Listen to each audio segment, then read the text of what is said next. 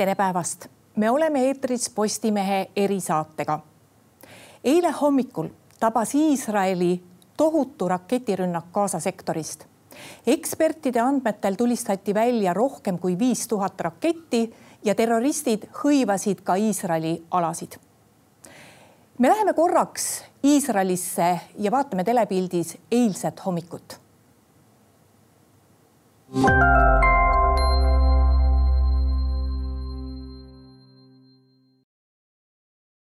אזרחי ישראל, אנחנו במלחמה. לא במבצע, לא בסבבים, במלחמה. הבוקר חמאס פתח במתקפת פתע רצחני נגד מדינת ישראל ונגד אזרחיה. אנחנו בתוך זה משעות הבוקר המוקדמות. כינסתי את ראשי מערכת הביטחון, הנחיתי קודם כל לטהר את היישובים מהמחבלים שחדרו פנימה, הפעולה הזאת מתבצעת בשעות הללו. במקביל הוריתי לבצע גיוס מילואים נרחב ולהשיב מלחמה שערה בעוצמה ובהיקף שהאויב לא הכיר. האויב ישלם מחיר שהוא לא ידע כמותו. אני קורא בינתיים לכל אזרחי ישראל להישמע בקפדנות להנחיות הצבא, להנחיות פיקוד העורף. אנחנו במלחמה ואנחנו ננצח בה.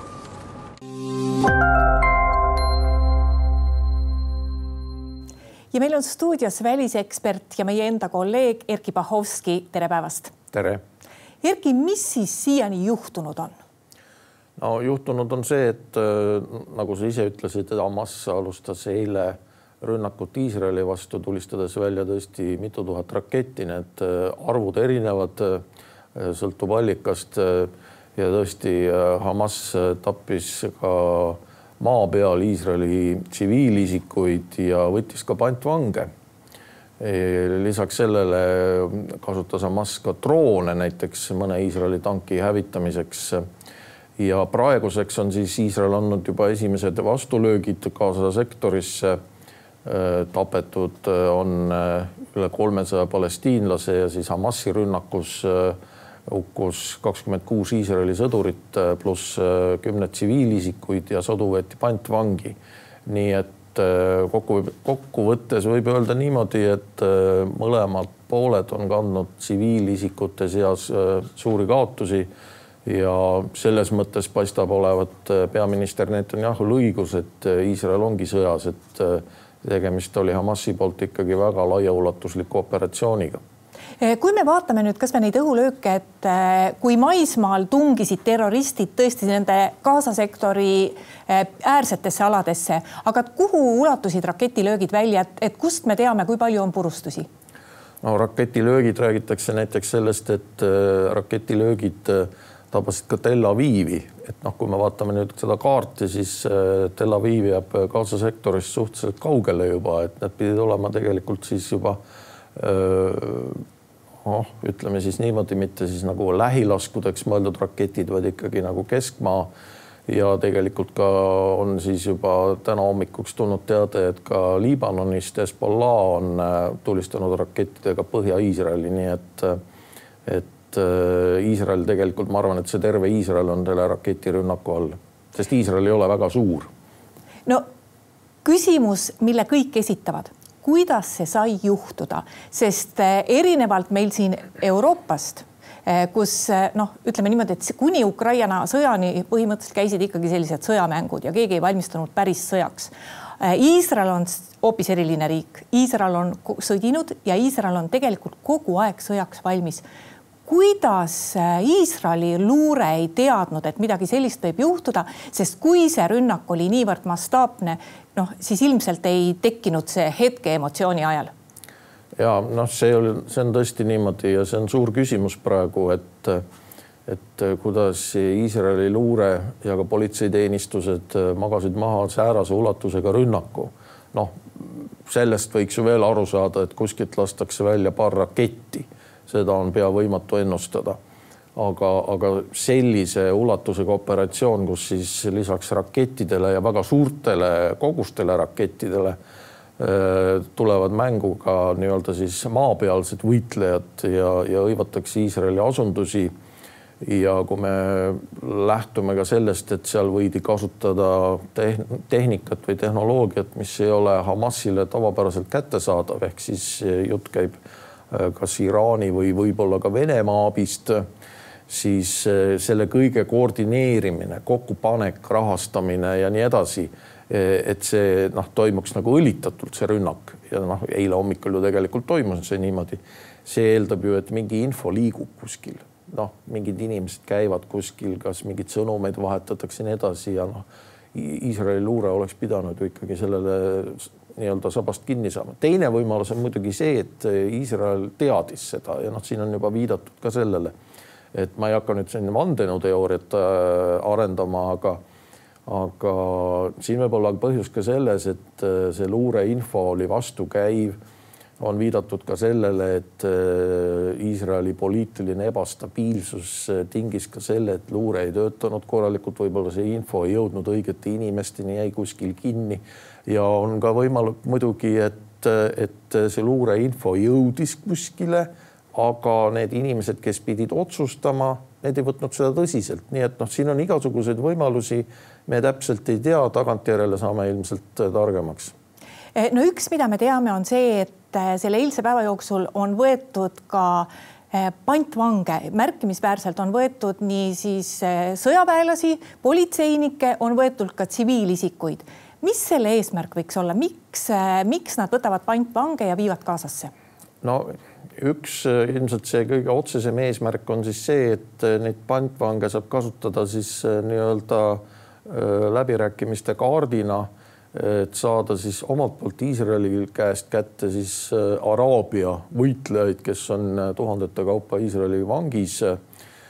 Teine võimalus on siis, noh, see on muidugi seotud esimesega, need ei välista üksteist, on see, et Hamas tahtis panna stopi Iisraeli ja Saudi Araabia lähenemisele. Iisrael ja Saudi Araabia ju tegid suuri diplomaatilisi jõupingutusi ja viimastel aastatel on ju Iisrael äh, avanud äh, paljusid uksi teistes Araabia riikides. kaks tuhat kakskümmend sõlmis Iisrael mitme araabiga, Araabia riigiga nõndanimetatud Abrahami kokkulepped ehk äh, teiste sõnadega Iisrael ei ole enam isoleeritud mis tähendab seda, et palestiinlased võivad ennast tunda isoleerituna rohkem kui kunagi varem, sest äh, Iisraelil, Iisraeli diplomaatia on õnnestunud. noh, siin on põhjuseks ka muidugi see, eks ole, mitte nüüd suurest armastusest Iisraeli vastu seda ei tehta, vaid, äh, vaid sellepärast, et Iraan on regionaalse nii-öelda suurjõuna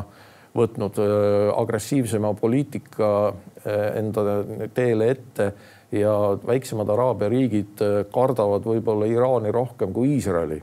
et äh, see võib olla ka põhjus, miks Hamas äh, sellise rünnaku korraldas ja noh, muidugi me ei saa välistada, aga ikkagi ma tean, et see on Eestis nagu selline stereotüüpne asi, aga me ei saa välistada ikkagi ka Moskva kätt või siis vähemalt Teherani ehk Iraani kätte. et, et suunata siis maailma tähelepanu Ukraina sõjalt ära Lähis-Idasse ja selle kaudu siis, selle rünnaku kaudu siis äh, haarata võib-olla Venemaa kaasa rohkem sellisesse diplomaatilisse võrgustikku. meenutagem, et Venemaa on selle nõndanimetatud Lähis-Ida kvarteti üks liige, mis tähendab seda, et äh, mis iganes probleem Lähis-Idas tekib, siis Venemaa on justkui nagu legitiimselt õigustatud selles rahuprotsessis äh, osalema. Noh, rahuprotsess on muidugi jutumärkides. Ja noh, see omakorda tähendab seda, et, et Venemaa tahab välja tulla Lähis-Ida kaudu äh, sellest isolatsioonist, kuhu Ukraina agressioon on ta paisanud. äh, Nendest riikidest, mida sa nimetasid, äh, kes selles konfliktis tõenäoliselt on siis terroristide poolel ehk siis palestiinlaste poolel, ega ametlikult ju keegi oma seisukohta peale Iraani vist ei ole öelnud.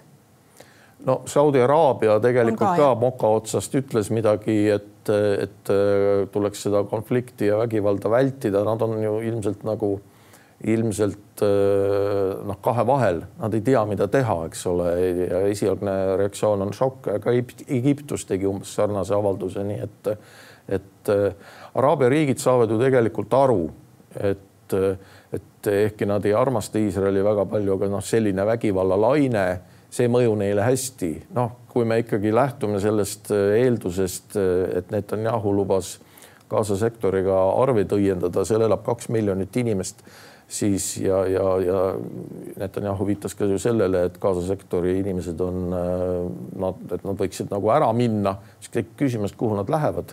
Kuhu need kaks miljonit lähevad siis või vähemalt osa neist, et no ega ma arvan, et teised Araabia riigid ei ole väga õnnelikud selle üle, kui tuleb jälle mingi põgenikelaine praeguses olukorras on ilmselt eh, eh, või vastab tõele ilmselt see informatsioon, et Iisrael on vähemalt oma aladelt välja tõrjunud kõik need terroristid. ja nii on jah, ja, ja nüüd minnakse siis neid pantvange vabastama Gaza sektorisse, noh, saame näha, kuidas see välja kukub, noh noh, me peame arvestama sellega, et Gaza sektor on pindalalt väga väike, see on kolmsada kuuskümmend viis kilomeetrit, noh, kui me Eesti oludesse toome selle, siis veidi, veidi rohkem kui Muhu saar. ja noh, kui ütleme, Muhus elab kaks tuhat inimest, siis Gaza sektoris kaks miljonit inimest sealt on vaja need siis need pantvangid leida ja nii edasi. ja noh, mis tähendab ka seda, et igasugune sõjategevus niivõrd tihedal, tihedasti asustatud alal nõuab äh, tsiviilohvreid. Eh, kas Iisrael äh, läheb siiski Gazasse täiemahuliselt kätte maksma või ta mõtleb tsiviilohvritele? Iisrael üldiselt väga ei ole selline riik, kes, kes suhtuks säärasesse probleemi nii, nagu meie oleme harjunud, et Euroopas suhtutakse no ma arvan, et Iisrael praegu jah, väga ei mõtle, et ja noh, ilmselt ka paljud Iisraeli inimesed ootavad Netanyahult sellist karmi vastust, et, et et äh, Netanyahul ei ole praegu ilmselt muid valikuid väga. tõsi küll, äh, Iisraeli äh, poliitikas on alustatud ka nii-öelda sellise rahva ühtsuse valitsuse moodustamisega, et praegu käivad läbirääkimised teiste nii-öelda opositsiooniliste jõudude ja Netanyahu valitsuse vahel, sest me peame arvestama sellega, et Netanyahu valitsus, mis tuli eelmisel aastal võimule on tegelikult kõige paremäärmuslikum valitsus Iisraeli ajaloos üldse.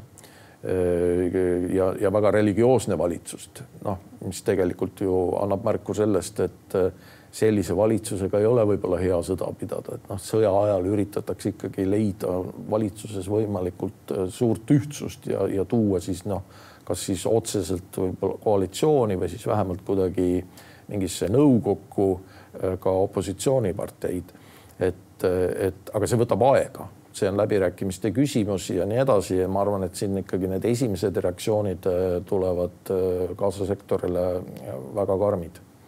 Kas rahvusvaheline üldsus võib siin sekkuda? no ma viitasin juba Lähis-Ida kvartetile ja noh, ma arvan, et see on paratamatu, et noh, praegu Joe Biden küll USA president tegi avalduse, et nad seisavad kindlalt Iisraeli taga. aga, aga ma arvan, et Euroopa Liit Äh, eriti, eriti just Euroopa Liit ju saab ka aru, et, et põgenikud Gaza sektorist, need võivad jõuda ka Euroopasse ja Euroopas on põgenikega halvasti. et, et kindlasti Euroopa Liit on ja USA on tegelikult huvitatud sellest, et see konflikt võimalikult kiiresti lõpetada. aga küsimus on tõesti, et mida siis Iisraelile pakkuda ja mida ka siis Gaza sektorile ehk Hamasile pakkuda. ja siit ongi see huvitav küsimus nüüd, äh, aga kuidas sündmused edasi lähevad, sest ilmselt lähevad need sündmused edasi päris kiiresti. et, äh, et mida sa ennustad, et kas Iisrael võtab endale praegu mõtlemisaega või meil on pilt täna õhtul juba hoopis teistsugune kui praegu keskpäeval? ei, ma arvan, et Iisrael jätkab seda sõjalist kampaaniat, et et noh, ma ütlen, et ma, ma ei ole Iisraelis ja veel vähem tean ma Iisraeli luureinfot, et Iisraeli tegevus ikkagi sõltub sellest missugune sõjaline info talle on, missugused võiksid olla need potentsiaalsed, kas siis Hamasi liidrid või tähendab, kus nad võiksid olla ja kus võiksid olla ka siis need pantvangid, et sellele vastavalt Iisrael tegutseb, noh, me peame arvestama ka sellega, et kui Hamas need pantvangid võttis siis noh, suure tõenäosusega ei hoia ta neid pantvange kuskil tavalises kohas, et vaid ta üritab neid kuskile edasi toimetada, võib-olla ka kuskil liigutada niimoodi, et Iisrael neid pantvange kätte ei saaks. Ja noh, Iisraelil on seetõttu kiire vaadates seda ümbrust, eh, mis nüüd eile korraks selle terrorirünnaku ümber äh, alla sattus. see on ju piirkond, kus inimesed tegelikult on, kus ollakse selleks valmis, sest et mitte küll nii mastaapseid, aga kümneid aastaid on seda paikkonda ikka rünnatud.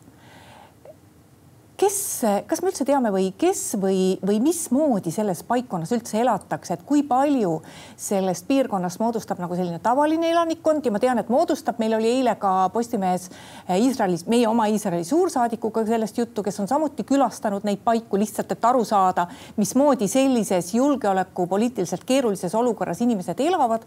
aga et kui, kui suur seal on näiteks ka see sõjaväe, politsei, kõige muu osakaal, et kui palju seal üldse on selline tavaline elu võimalik?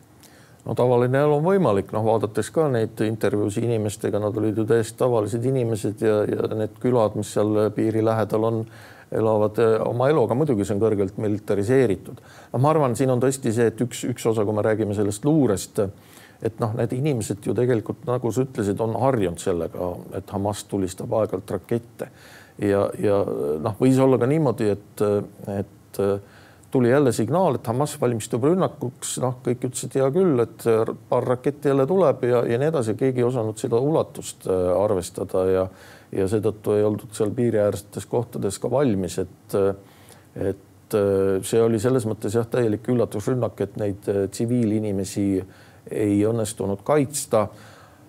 Hamas ise väidab ja, ja siin ma võtan sellise saatana advokaadi rolli, aga, aga annan sõna ka enda suu kaudu Hamasile et eh, need ei olnud tsiviilisikud, eks ole, kes tapeti, vaid need olid asunikud. Hamas teeb seal vahet, et Hamasi nii-öelda retoorikas on, on Iisraeli asunikud ja siis on tsiviilisikud ja, ja nii-öelda siis nii-öelda Hamasi loogika järgi siis need eh, asunikud seal on siis legitiimne sihtmärk no seal ongi äh, väga raske aru saada, sest mõlema poole propaganda on nagu ülisuur ja, ja meie tänases kommentaaris ka julgeolekuekspert Rainer Saks juhib tähelepanu sellele, et kui eile need sündmused algasid siis tegelikult Iisrael maha, magas maha ka selle nii-öelda informatsiooni levitamise võimaluse. ehk siis esimene informatsioon selle operatsiooni mastaapsusest tuli ju tegelikult hoopis vastaspoolelt. et algul paistis see kõik, noh, kuigi see on hull,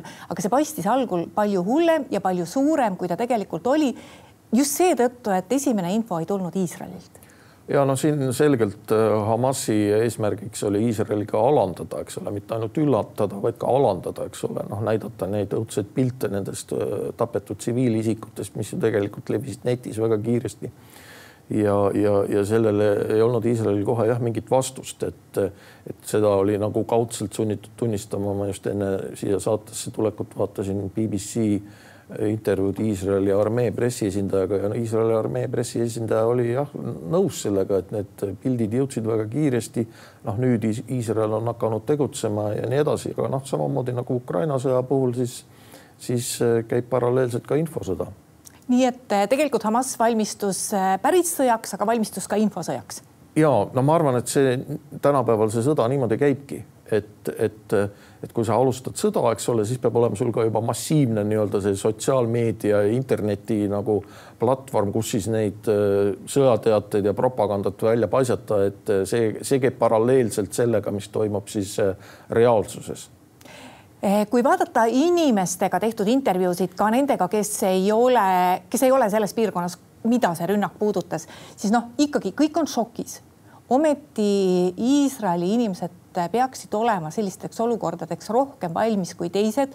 kõigepealt, et äh, iga inimene seal on ju valmis teenima sõjaväes, neil on see kohustus, sellest ei pääse mööda. no teine asi, kasvõi äh, kasvõi kui võtta enda seisukohalt, kui sa lendad Iisraelisse, no mõtleme kõigi nende reeglite peale, lennujaama turvakontrolli peale, no kasvõi selle peale, et äh, ma ei tea, kas ka praegu, aga kui mina sinna lendasin, siis oli äh, noh, juba siis, kui lennuk, ka reisilennuk satub Iisraeli õhuruumi, siis ju kõik peavad istuma ühe koha peal, keegi ei tohi lennukis liikuda, turvavööd peavad olema suletud, sellepärast et Iisraeli õhuruumis nagu võiks kogu aeg midagi juhtuda.